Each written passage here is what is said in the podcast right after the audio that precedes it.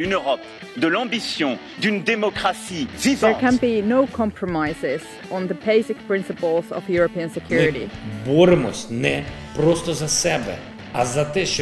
The story of how we went from centuries of war to creating these unprecedented continental democracies. Evropska četrt, četrt, četrt.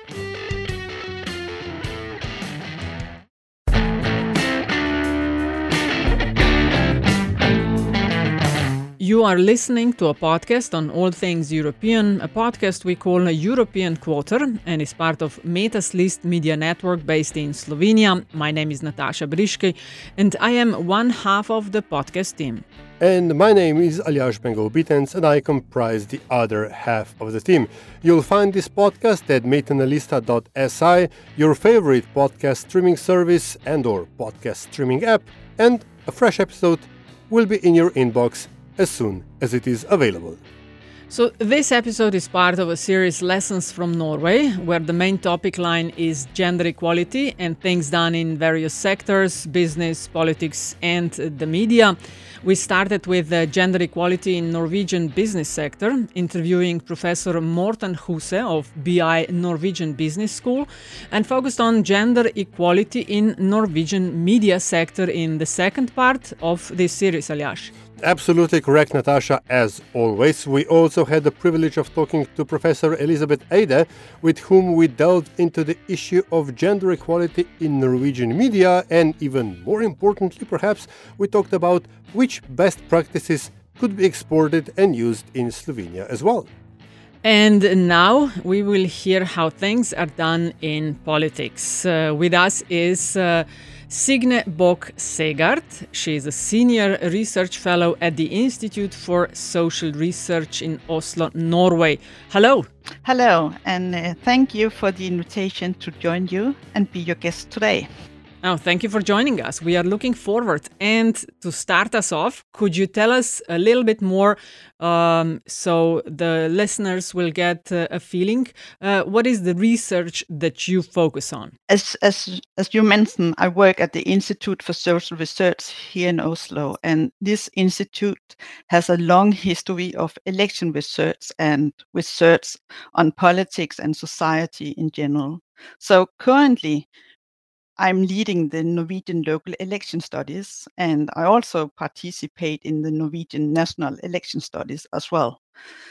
In that regard, my research is related to voter behavior, political representation, and democratic participation, including, of course, elections, offline and online, at local and national level, and within the context context of the Scandinavian countries. So also in Denmark and um, Norway, of course. So lately, I will just say that I've studied a female representation and how and why it varies between municipalities within one country here in Norway. But I also studied how it varies between countries, Denmark and Norway. So that's my background to be here today. Uh, when, uh, well, uh, Slovenia is uh, in the middle of several election campaigns, including one for the municipal election has just uh, kicked off. Uh, and the issue of um, gender equality in political representation always, always come up, comes up. And I'm sure we'll talk a lot about this specifically throughout in our interview. But just to sort of, you know, set the parameters of our talk, what is, or sh- rather, what should we understand when we talk about quote unquote Nordic gender equality model? To do it in a simple way, you can say that the Nordic gender equality model refers to the way that women in the Nordic countries, to a large extent, combine participation in political life and in pay work with family life to a larger extent than compared to other parts of the world. But I will also say that the model indeed highlights the norm and not just the structures, but the norm of gender equality in all parts of society, which implies an expectation of gender balance. Moreover, I also think that the model implies inclusive opportunity structures and equal rights for men and women to vote, assemble, and indeed to hold office.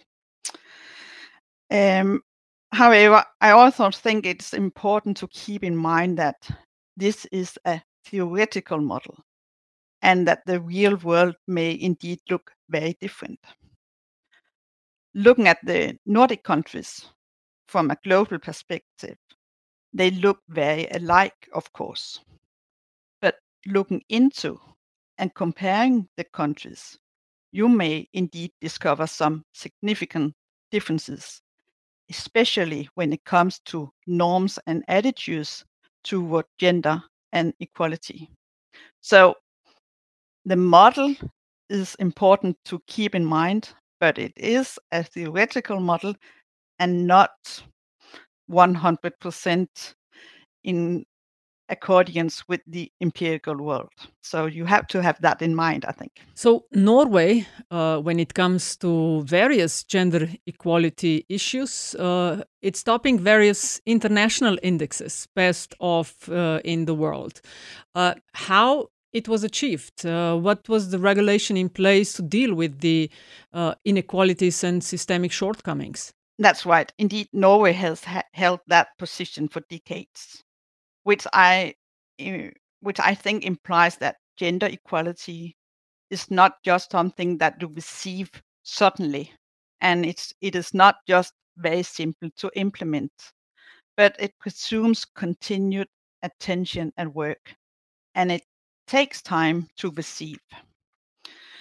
Um, and I think that the experience from Norway is that it is not enough just to consider gender equality and the aim of this only from one perspective.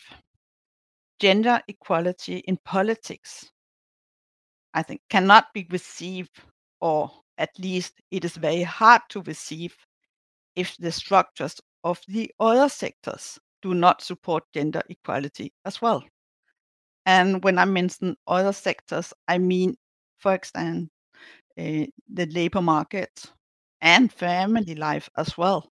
Um, if it's not easy for the women to go uh, to go to work, if it's not easy to women to uh, to be in politics because they have to take care of the children at home, then it is very difficult to receive gender equality in politics as well. So this point of view is actually related to one of my uh, main arguments that gender balance and equality is not just about institutional structures and regulations, which of course are important as well, but gender equality must be supported by underlying norms and values in society and in other sectors as well. And I will come back to that later, I think. Uh, but in Norway, the, the authorities has really tried to do that, and in a way they have succeeded, but not in all parts, of course. But they have tried to do that for decades. Now it uh, seems to me that this may be a bit of a chicken and egg question. Which comes first, the uh, regulatory framework or the change in values and norms? but uh, I'm guessing that's you know for each society to to, to solve uh, uh, this particular riddle. But uh, speaking of regulation, uh, what sort of regulation was there put in place to to deal with these systemic inequalities and shortcomings? I mean, I guess we're talking about quotas, but uh, especially for our Slovenian uh, listeners. Oftentimes, quotas uh, uh, of the Nordic model are conflated with the American concept of positive discrimination. I, I gather there is a slight difference in the, between the two. Yes, and I'll try to explain what has been done here in Norway. But first of all, in Norway, the concern of gender equality uh, and the prevention of discrimination is regulated not only by the Norwegian Equality and Anti Discrimination Act, but also by acts and regulation in almost all policy fields in Norway, and that's what I mean in all kind of sectors. You have you have had the podcast on business and in the media as well. So, but when I say that, I will also mention that, particular in the field of politics, there is no strongly uh, the field of politics is not strongly regulated by law with regard to gender and equality here in Norway. In fact, the uh, Norwegian Election Act does not require any forms of gender quotas for electoral list. And there are no quotas for the seats in public elected examples here in Norway. However, and what I think is important is that the Norwegian Local Government Act 20 years ago or more introduced gender quotas for committees elected by the municipal councils. So at least 40% of the members of such committees must be female or male. In addition, gender balance of committees and boards appointed by public bodies is also regulated in Norway. Um, so that's very important structures, but the Election Act does not regulate uh, gender in politics in that way. So, indeed, I think that's also to mention that the Norwegian authorities have for years used and they still use very proactive but also very soft political tools to promote gender equality in the field of politics and thereby they influence both the practice but also the attitudes of the actors. So that is to say again that norms of equality and non discrimination in general can be said to be prevailing in politics. Let's go to statistics. Um, when talking about the representation of female politicians in Norwegian uh, national politics, um, and I'm thinking of the prime ministers, presidents, uh, representation of uh, uh parliamentarians, female parliamentarians, uh, what are the numbers today and how maybe they, they changed uh, through time? Yeah. Eh, so, with regard to the representation of women in the Norwegian parliament, the Storting, it has for years been around 40%. But after the election last year, it has been 45%, which is the highest ever. So, going back in time, I can say that the first female prime minister in Norway was Gro Harlem Brundtland. As the leader of the Labour Party, she became the prime minister for the first time in 1981. She also became prime minister for two more terms, once in the eight, late 80s and again in the 90s. It should be stressed that, in particular, her second cabinet from 1986 became famous worldwide for its very high share of female ministers, as nearly half of the ministers were, in fact, women. Today, such a high share of women is what you can call an unwritten norm here in Norway. And I think you can be sure that gender is a concern when a new prime minister selects her or his team. Uh, after Brundtland cabinets in the 80s and 90s, there has been one more female prime minister in Norway that was Erna Solberg, and she represented the Conservative Party, who came in office in 2013 and was re-elected in 2017. So we had had two women as prime ministers here in Norway from different part, political parties.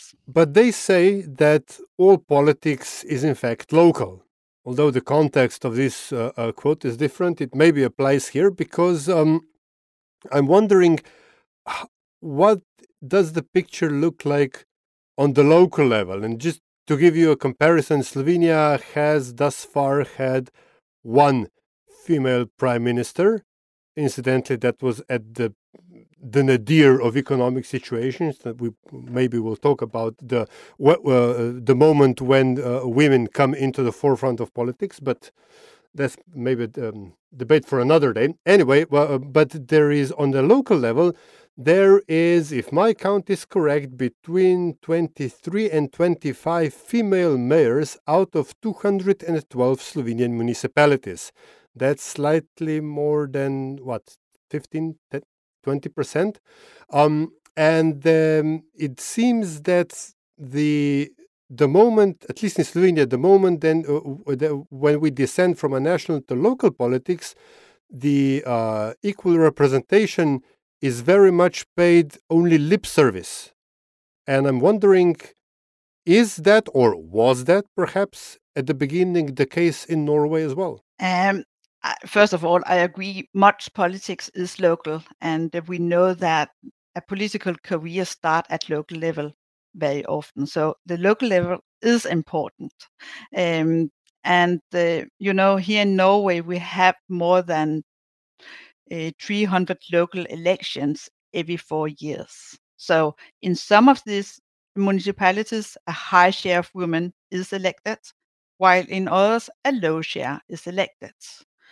But in general, um, women currently hold 40.5% of the seats in municipal cons- uh, councils in Norway, and 35.4% of all mayors in Norway are, in fact, women. Um, this shares may be seen as, as you said, high compared to other countries.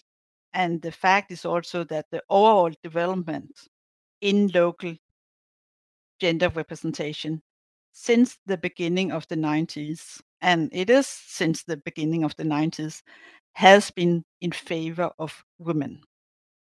But nevertheless, the progress is slow and has been slow, and women are still in minority in local politics in Norway. But compared to other countries, I'm aware the share is is uh, in fact very high. Uh, at the same time, I will also stress that there may be some signs of change.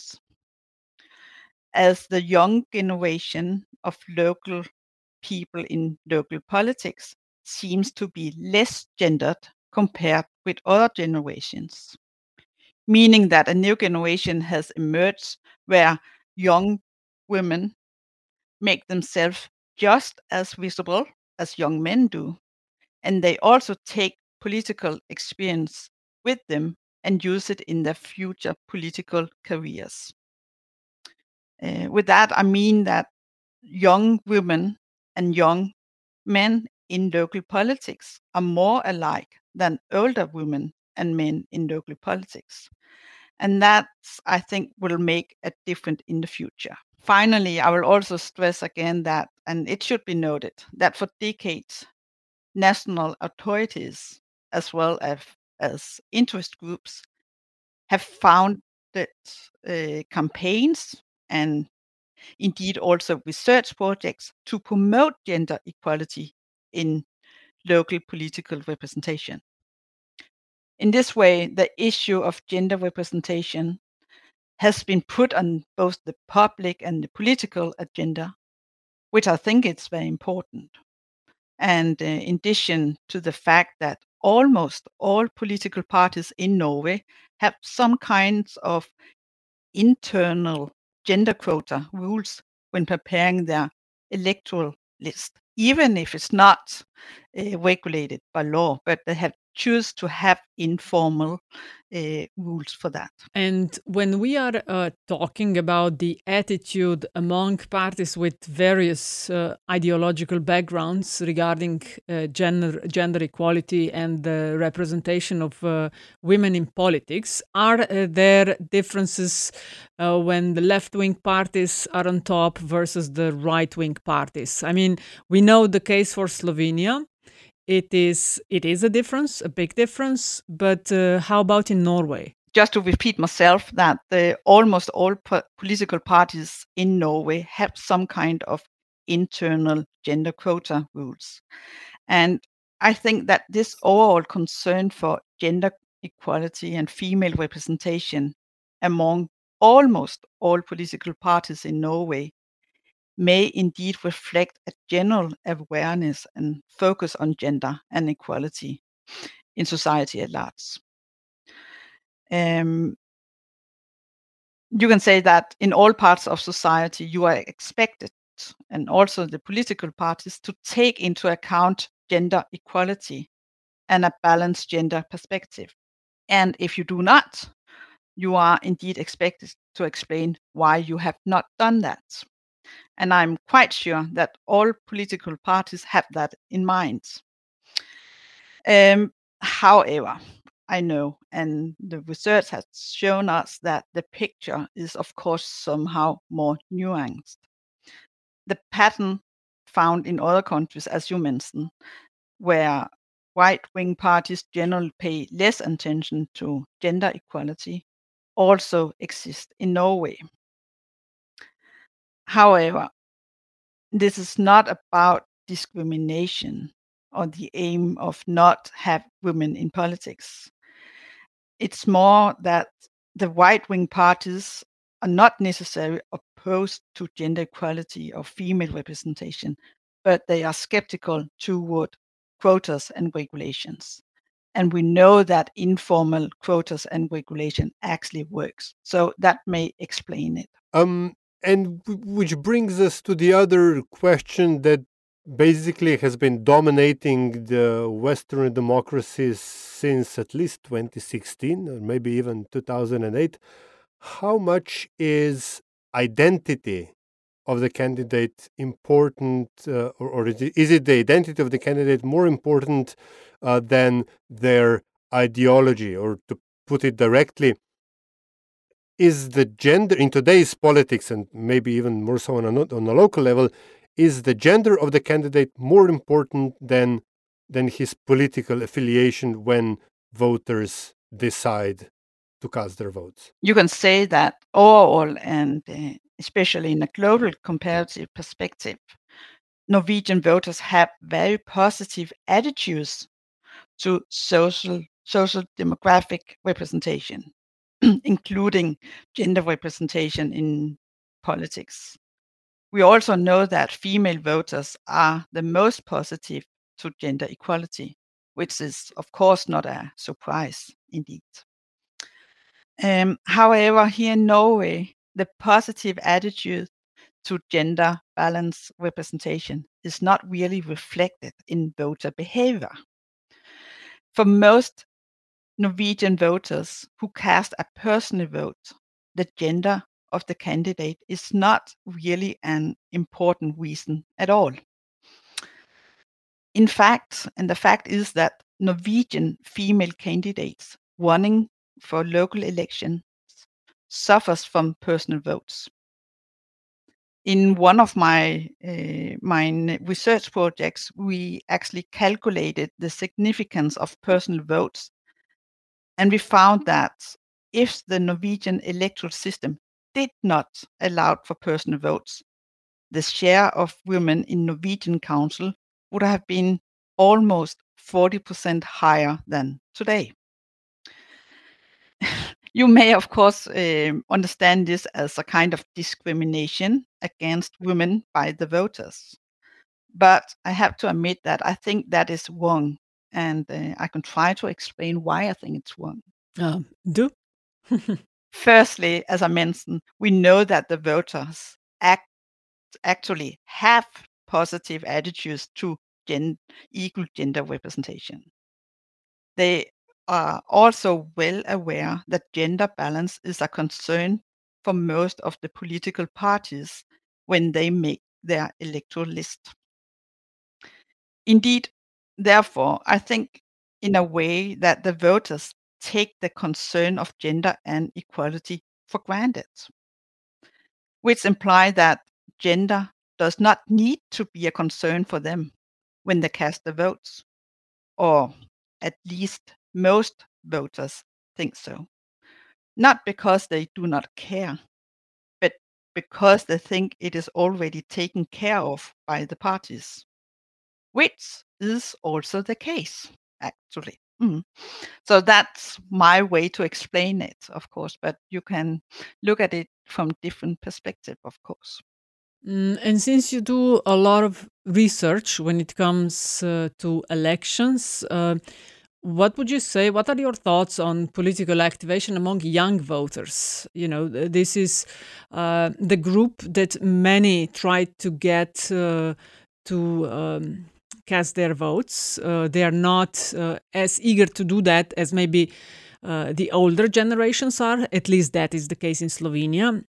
How active and how interested in politics are they? And if uh, do tell us if there are differences among uh, the um, uh, men and women, the young men and women, when it comes to working in politics, being an active citizens.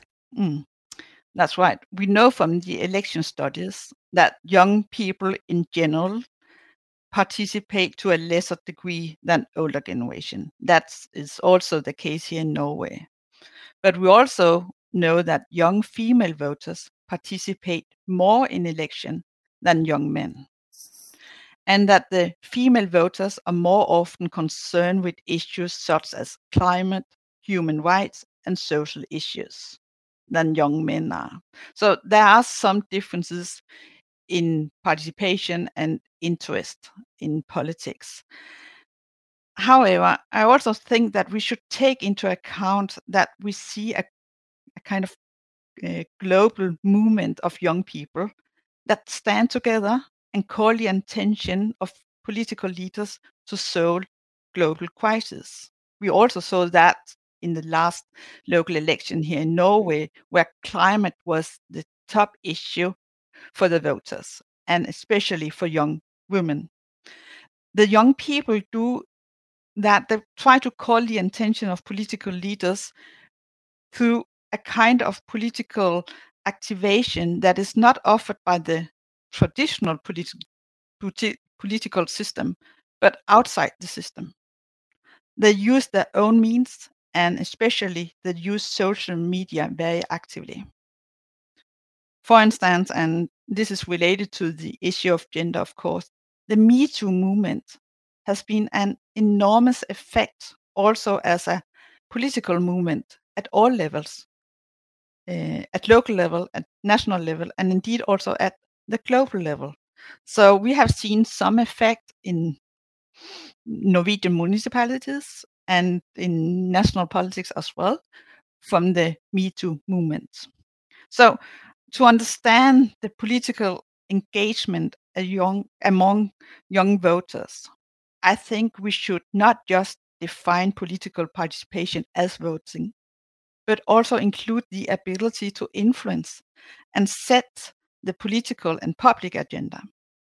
And I believe, and we can see that as well uh, in real life, that young people have this ability, and we should respect that. And the political system must be listened to them as well because that's the way they participate that's the way they raise their voice and that's the way we can understand their political interest i think which uh, brings us to the last question and uh, also something that i tried to allude to in the beginning now it's a pet theory of mine it, it's not really a theory in a scientific sense but still uh, um, i've come to believe that women get to the forefront of national politics or, or even business or whatever if you uh, whatever you will only when the going gets so tough that the men refuse to deal with it anymore. That they when they run out of ideas they let the women to the forefront women then fix things and then suddenly men appear and say okay we'll take it from here. Now that may or may not be true but it is my observation that over the course of the last, say, 20 years, that on one hand there's been this increase in, in political activation which you've just described but on the other hand there's also been this huge backlash of specifically older white men but not necessarily just those against this so quote unquote female encroachment that the women are here to take away our rights and to over, overturn the world and so on and so on is I mean, are we actually seeing uh, uh, gender equality stagnating? Are we seeing women's rights being reversed and decreased slowly, but but but surely as we go along? Of course, it is uh, obviously that in some part of the world we see that that is the case, um, and then we can ask what can we do about it. Um, first of all, I think that keeping the issue of gender balance and equality in politics on the public and on the political agenda is necessary if we want progress, but also if we want to evade regression. And that is also very important to have in mind. Gender equality should never be a taboo. And because that would be a mistake, I think, for the democracy uh, in general. Moreover, and now I'm repeating myself, I know that, but we must understand that gender equality is much more than just about regulations. It's much more, about, more than just about quotas. It is also about which values and norms that are emphasized in society and by, by our leaders. We may indeed ask, what kind of society do we want? And I think both women and men, they should ask that question and they should ask it together and they should try to answer the question together.